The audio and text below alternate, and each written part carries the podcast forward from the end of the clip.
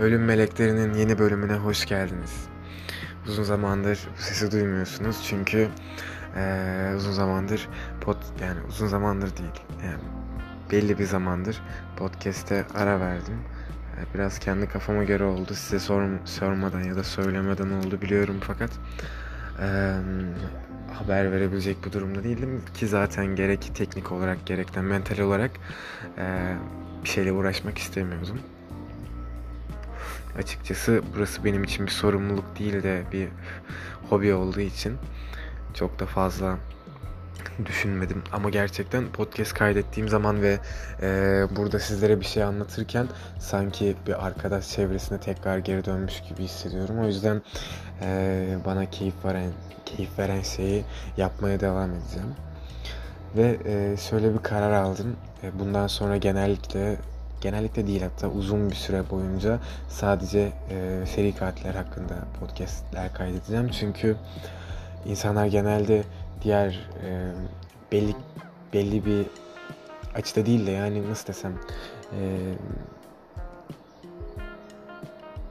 yoruma açık konularda insanlar kırıcı olabiliyor ve e, her ne kadar bu podcast camiasında podcast kaydeden kişilerden daha genç, daha e, e, takipçileriyle daha böyle samimi, daha yani her birine gerçekten yazan herkese e, bugüne kadar bir kişi çıkıp da diyemez ki yani ben yazdım bana cevap vermedin. Bir ay sonra da olsa, iki hafta sonra da olsa, üç hafta sonra da olsa herkese tek tek cevap vermeye ve herkese karşı pozitif, mutlu e, neyse e, olmaya çalışıyorum işte. Ama insanların bazen sert düşünceleri sert değil de e, yersiz, patavatsız düşünceleri beni rahatsız ediyor. O yüzden sadece sorgulanamaz ve düz bir şekilde anlatmaya devam edeceğim. Ee, belki bu bizim samimiyetimizi bozar diye düşünebilirsiniz ama ben illaki bir şekilde o samimiyete tekrar kavuşmamızı e, sağlayacağım. Elimden geleni yapacağım. Ve bu bölümde de çok seveceğiniz bir konu. Bir yamyam. Jeffrey Dever and söyleyemedim. of çok havalıydı ne güzel söyleyemedim. Tekrar. Bu bölümde Yam Yam Jeffrey Dahmer sizlerle efendim. İyi seyirler.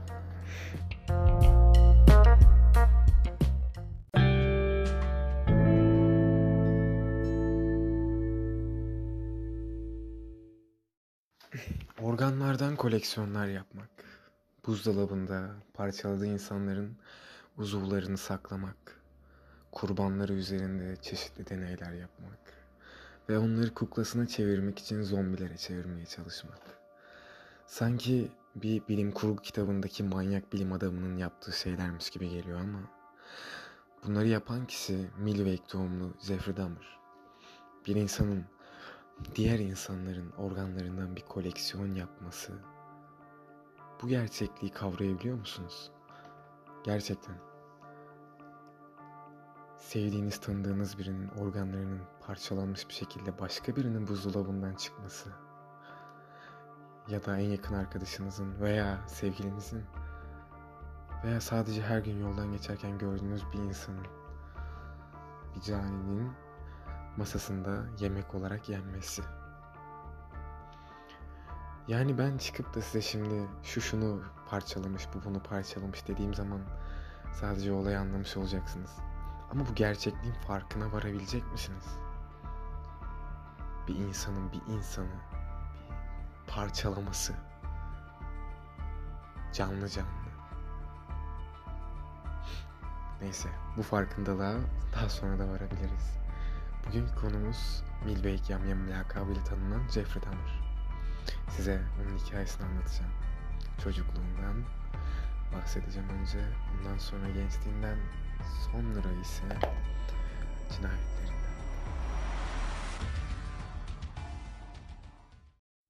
Hikayeye başlamadan önce size bir soru sormak istiyorum. Sizce seri katillerin içindeki şeytan hep orada mıdır? Yoksa bir olaydan sonra mı onlar şeytanlaşmaya başlar? Bu soruyu hep düşünün lütfen hikaye boyunca. 21 Mayıs 1960'da Milwaukee'de doğdu Jeffrey Dahmer. Ailesi gayet normaldi. Annesi ev hanımı, babası da bir kimyagerdi.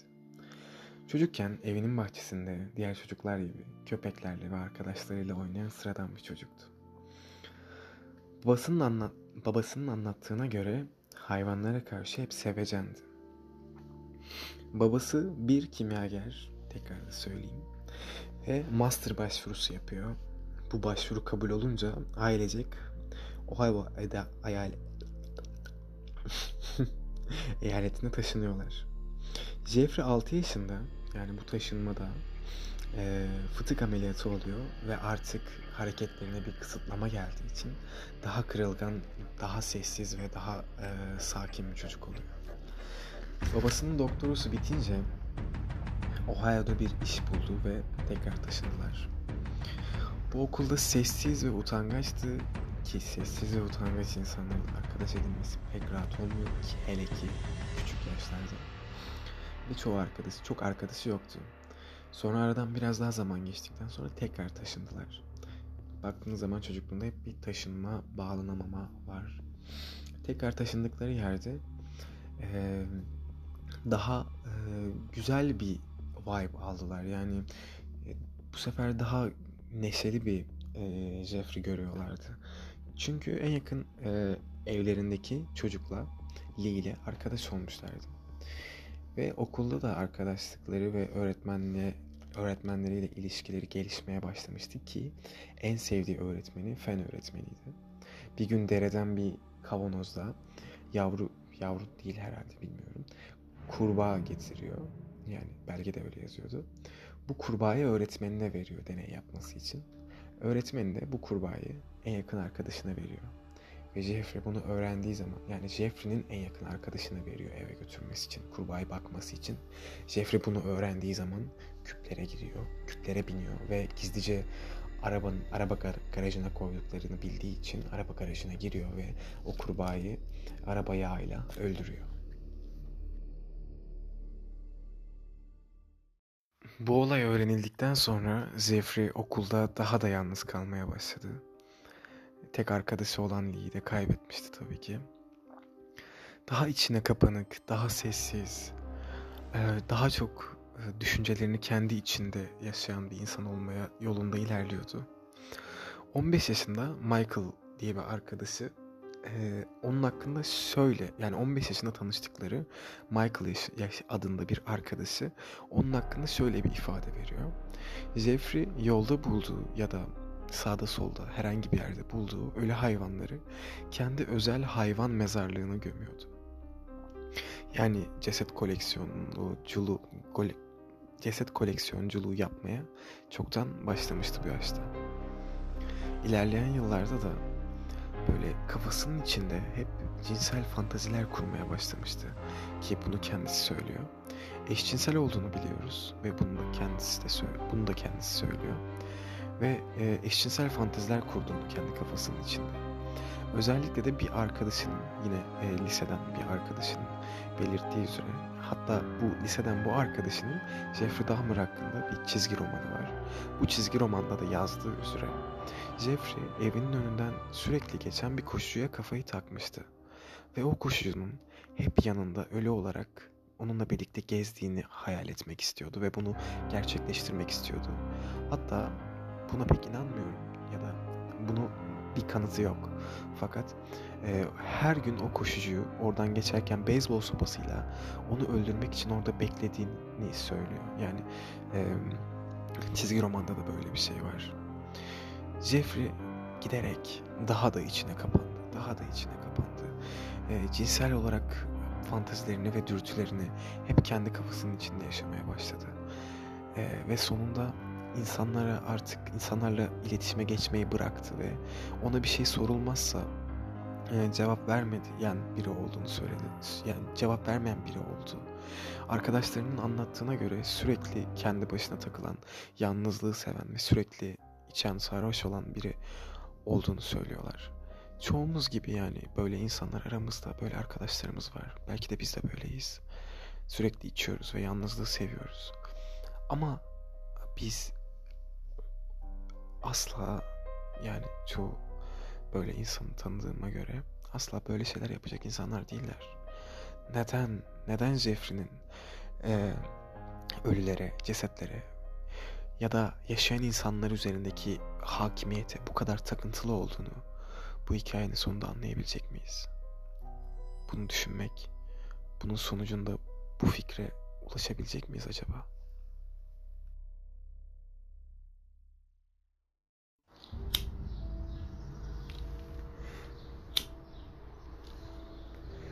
Şimdi sizlerle 1978 yılına gidiyoruz.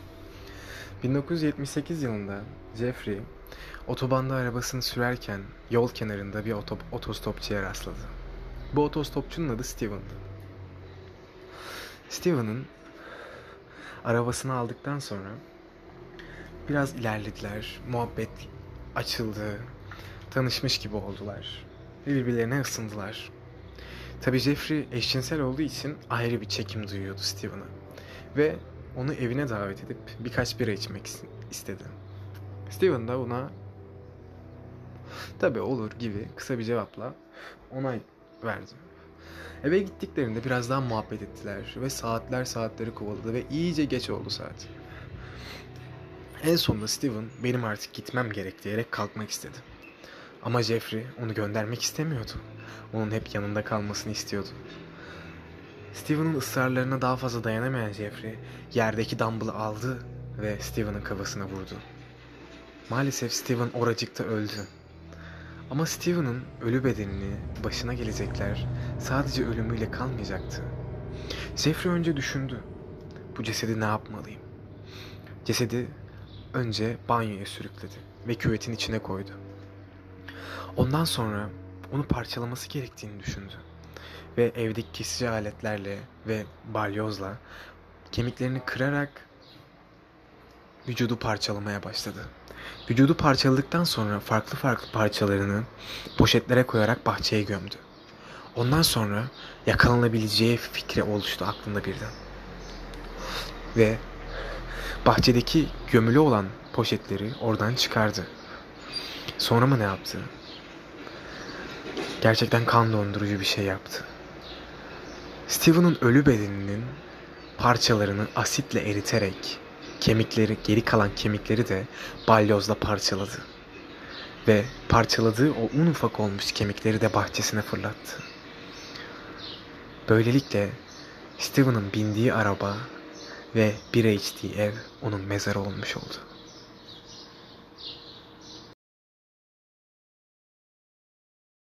Jeffrey bu olaydan sonra bir trafik cezası aldı. Alkollü araç kullanmaktan. Sürekli içiyordu. Sürekli. Ve ailesi onu Wisconsin'e büyük annesinin yanına yollamanın en mantıklı karar olacağını fark etti. Burada bir süre hatta birkaç yıl nereden baksan 8 yıl e, hiçbir e, suç işlemeden yaşamaya devam etti. Ta ki 1986 yılında çok içip iki erkek çocuğun önünde mastürbasyon yapana kadar. Bu olaydan sonra tutuklandı, belli bir süre gözetim altında kaldı ve bir yıl sonra ikinci cinayetini işledi. Yine adı Steven olan eşcinsel bir gençle bir barda tanıştılar ve ortak karar alıp otele gittiler. Cinsel ilişki sırasında onu boğmaya başladı ve durmadı. Steven öldü. Sabah otelden soğukkanlılıkla ayrıldı. Büyük bir valiz alıp geri geldi. Cesedi bu valize tıktı ve yine soğukkanlılıkla büyük annesinin evine geri gitti. Valizle birlikte Bodrum'a indi. Bodrum'un kapısını kilitledi. Sonra valizden cesedi çıkarıp defalarca ölü bedene cinsel tacizde bulundu. İşi bittikten sonra cesedi yine Bodrum'da parçalayarak çöp torbalarına koydu. Ve evine çok uzak, çok ters ve tenha bir çöp kutusuna ceset parçalarını bırakıp eve geri geldi. Bu onun ilk nekrofili ilişkisiydi.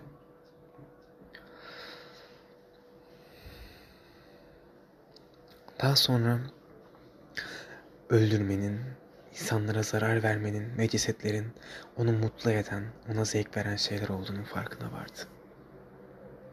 İkinci cinayeti ise böyleydi. Üçüncü kurbanı 14 yaşındaki Johnny adında bir eşcinseldi. Bu çocuk bazen para karşılığında ilişkiye girmek için gay barlarda takılıyordu. Yine Jeffrey ile de burada tanışmışlardı. Yine anlayacağınız gibi onu da evine para karşılığında fotoğraflarını çekmek için çağırıp öldürdü, parçaladı ve gerçekten de fotoğraflarını çekti. Ama parçalama aşamalarının, onu kesme, biçme ve onunla birlikte olma aşamalarının fotoğraflarını çekti. Genel olarak Jeffrey'nin tüm cinayetlerinde yaptığı belli ritüelleri vardı. Genelde kurbanlarından bir parça hediye olarak kendine alırdı. Genelde bunlar ya kafa olurdu ya da türlü organlar, iç organlar. Bu organların ya da kafaların karşısına daha sonradan geçip mastürbasyon yapıp o anı tekrar hatırlar ve bunun üzerine tekrar bir zevk yaşardı. Bu böyle sürekli devam eden bir ritüel haline gelmişti. Sürekli gay barlarda takılan insanları evine çağırıp bira içmek ister misin diyerek veya para karşılığında senin fotoğraflarını çekebilirim diyerek evine getiriyor alkollerine bazen ilaç atıyor bazen de sürekli alkol içen bir alkolik olduğu için ikisi de alkol içtiğinden dolayı o daha geç sarhoş olduğu için zayıflayan kurbanlarını bayıltıp ya da direkt anında bir darbeyle öldürüp yapmak istediği fantazilerini gerçekleştiriyordu.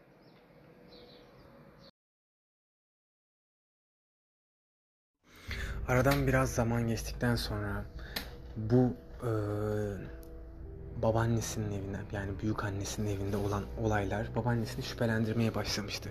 Çünkü eve sürekli erkekler, sürekli erkekler geliyor ve Jeffrey sürekli alkol kullanıyor ve bodrumdan gerçekten iğrenç bir koku geliyor.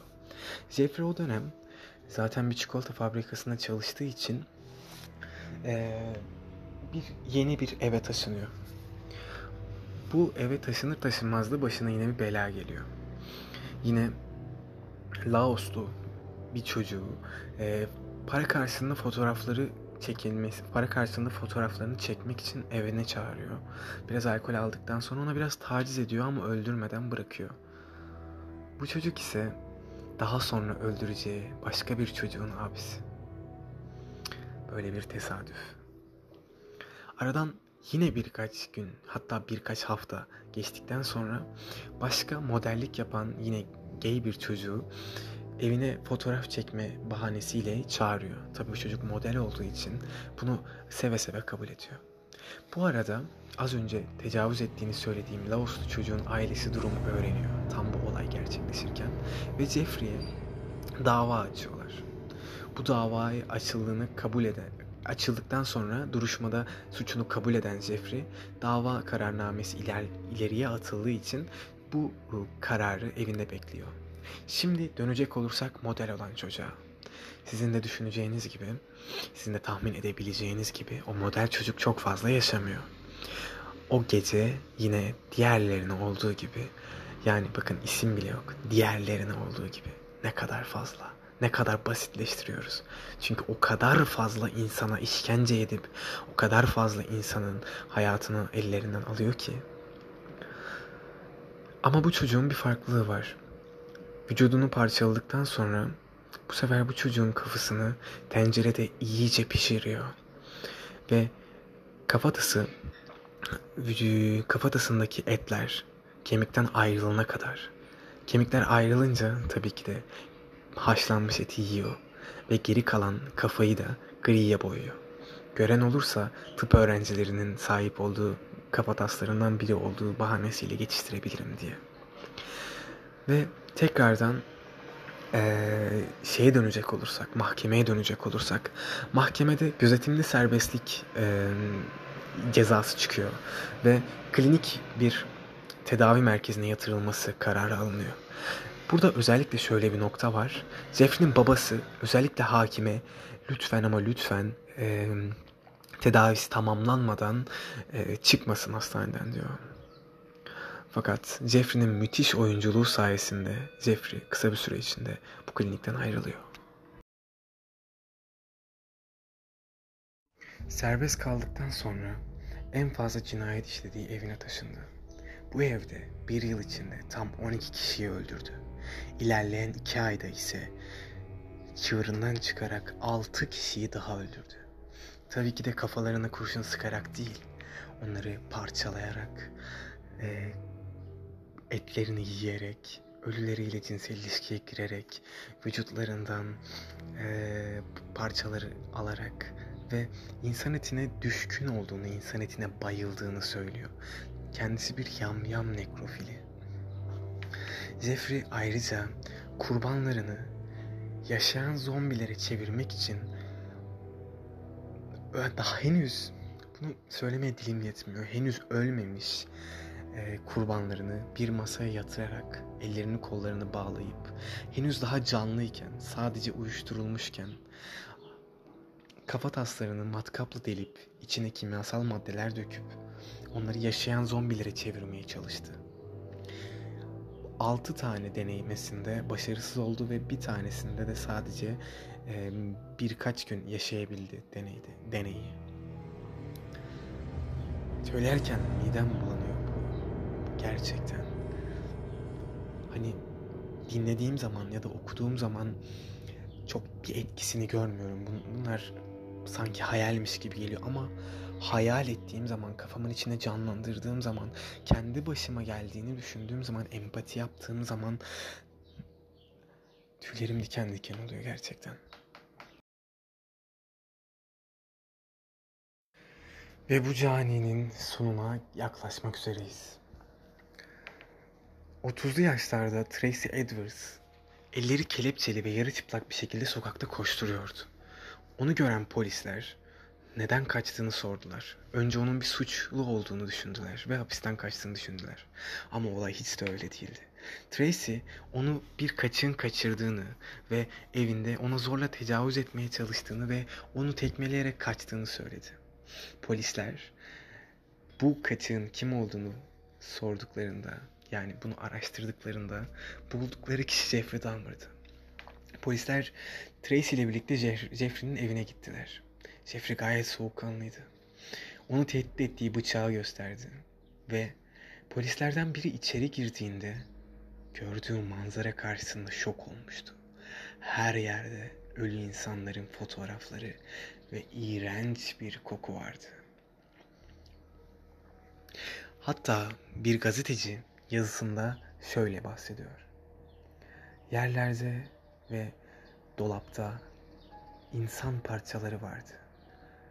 Boğazından kasıklarına kadar parçalanmış bir insan, küvette yeni kesilmiş bir kafa, dolapta parçalanmış buzluğa, buzluğa konulmuş eller, bir penis, iki adet ayak, sadece çene, fazladan kulaklar ve bir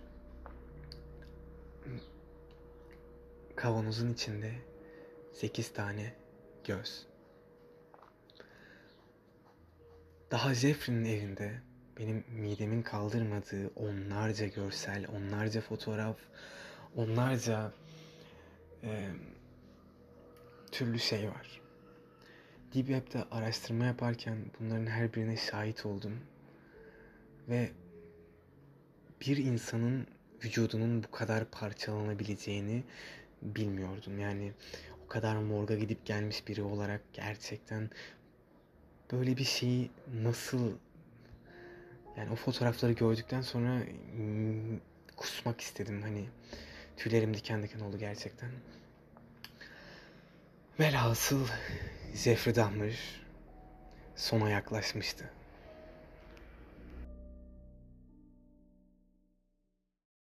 Jeffrey mahkemeye çıkarıldı. 15 kere ağırlaştırılmış müebbet hapis cezası ile yargılanıyordu. Ve Jeffrey şunu söylüyordu. Kimseden nefret etmiyorum. İnsanlardan nefret etmiyorum. Öldürdüğüm kişiler zenci olsa bile zencilerden de nefret etmiyorum. Belki hastayım, belki de kötü biriyim. Bu yaptıklarımı bir insanın yapmış olması imkansız. Ama yaptım. Belki hem hastayım hem de kötü birisiyim. İhtiyacım olan şey ve bana verilmesi gereken ceza ölümdür. Dedikten sonra Chicago cezaevini boyladı kendisi. Önce ilk 6 ay bir tek başına bir hapis tek başına bir hücrede kaldı. İyi hali göz önünde bulundurulduktan sonra 6 ayın sonunda 3 kişilik bir temizlik ekibine verildi ve 3 kişi birlikte kalmaya başladılar. Bu temizlik evinde bir tane beyaz ve bir tane siyah vardı. Beyaz olan kişi daha önce karısını öldürmüş ve bir zencinin üstüne atmış birisiydi. Bu temizlik ekibi görevine devam ederken aradan 3 ay daha geçti. Ve 3 ayın sonunda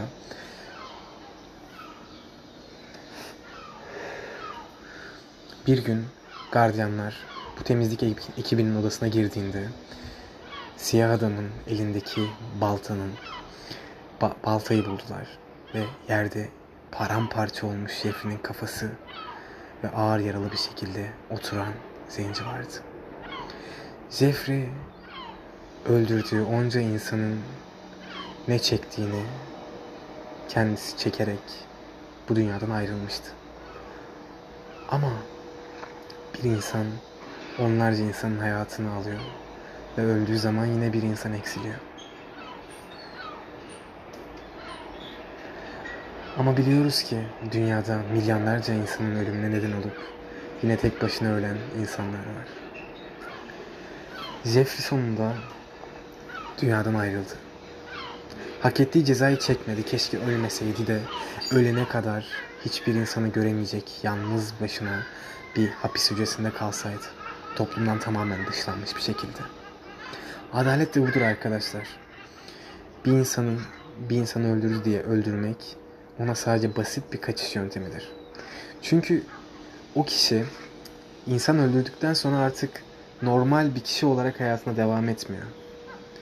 O yüzden ölüm onun için hayatının bir parçası olduğundan dolayı ölüm ona bir ödül oluyor. O yüzden ona sürekli işkence etmek. Neyse böyle düşünceleri düşünmüyoruz. Bölümümüzün sonuna geldik. Evet canlar. Bu bölümde Jeffrey Dahmer'ın iğrenç hayatını işledik. Bu kadardı. Bitti. Umarım sevmiştirsiniz bölümü. Umarım yeni tarzımı beğenmiştirsiniz. Öncelikle şundan biraz daha bahsedeyim. Hazır bölüm bitmişken, hazır siz belki uykunuza dalmış, belki de elinizdeki yaptığınız şeyi bitirmiş ya da yürüyüşünüzün sonuna gelmişken ya da her an şu an ne yapıyorsanız. Mesela ben şu an bu podcast'i dinleyen kişinin bu podcast'i dinlerken ne yaptığını çok merak ediyorum. Gerçekten. Ne yaparken dinliyorsunuz çok merak ediyorum. Mesela ben bazen yatarak, bazen e, notlarımın başındayken, bazen bilgisayarımın başındayken, bazen balkonda sigara içerken, bazen terastayken kaydediyorum podcast'i. Yani değişiyor. Ama genel olarak e, masamın üstünde, notlarımın içinde, bilgisayarımdaki o iğrenç e, parçalanmış insan vücutlarının önünde e, bu podcast'i kaydediyorum. Şimdi değinmemiz gereken şeyler şunlar. Bir metin hazırlamadan anlatıyorum size. O yüzden e, ı, o, falan yapmama takılmayın. E, takılıyorsanız da siz nasıl konsantre oluyorsunuz abi? Yani benim e dememe takılacak kadar şey olmayın. Please. Çünkü ben asla bir metin hazırlamam. Çünkü metin hazırlarsam şöyle olacak. Dümdüz okuyup size çok sıkıcı olacak yani bunu biliyorsunuz. Çünkü çoğu podcast e, yani gidin başka podcastlere bakın hepsi birkaç tanesi hariç ki onlar da çok başarılılar yani.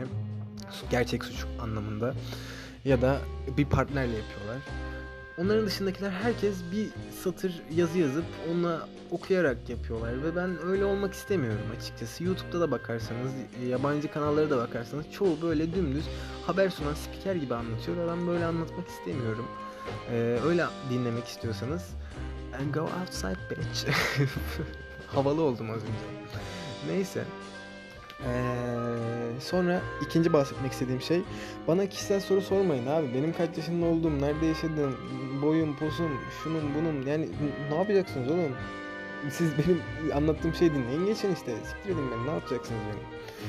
Ee, ondan sonra dedim en başta bundan sonra ağırlıklı olarak hatta belki de 7-8 bölüm ardarda arda sadece seri katil anlatacağım. Çünkü çok doldum. Böyle seri katilleri anlatmak ne bileyim belki de bana bir rahatlama hissiyatı yaratıyor. Umarım beğenmiştirsiniz. Beğendiyseniz ve e, podcast'i daha fazla insan öğrensin, beni daha fazla kişi dinlesin, Burak'a destek olalım derseniz bunu Instagram story'nizde, WhatsApp story'nizde ya da herhangi hangi mecrayı kullanıyorsanız Spotify, ay Spotify nereden çıktı? Ee, SoundCloud ya da e, Snapchat, Snapchat hangisini kullanıyorsanız orada paylaşmayı unutmayın ve öneri, düşünce, görüş, muhabbet, eee podcast'e katılmak, ya katılmak derken yani konuk olmak ya da anlatacak hikayeniz varsa her türlü şekilde benimle e, WhatsApp'ta olur, Instagram'da olur. Her türlü yerden iletişime geçebilirsiniz canlar. Sizi öpüyorum. Bye bye.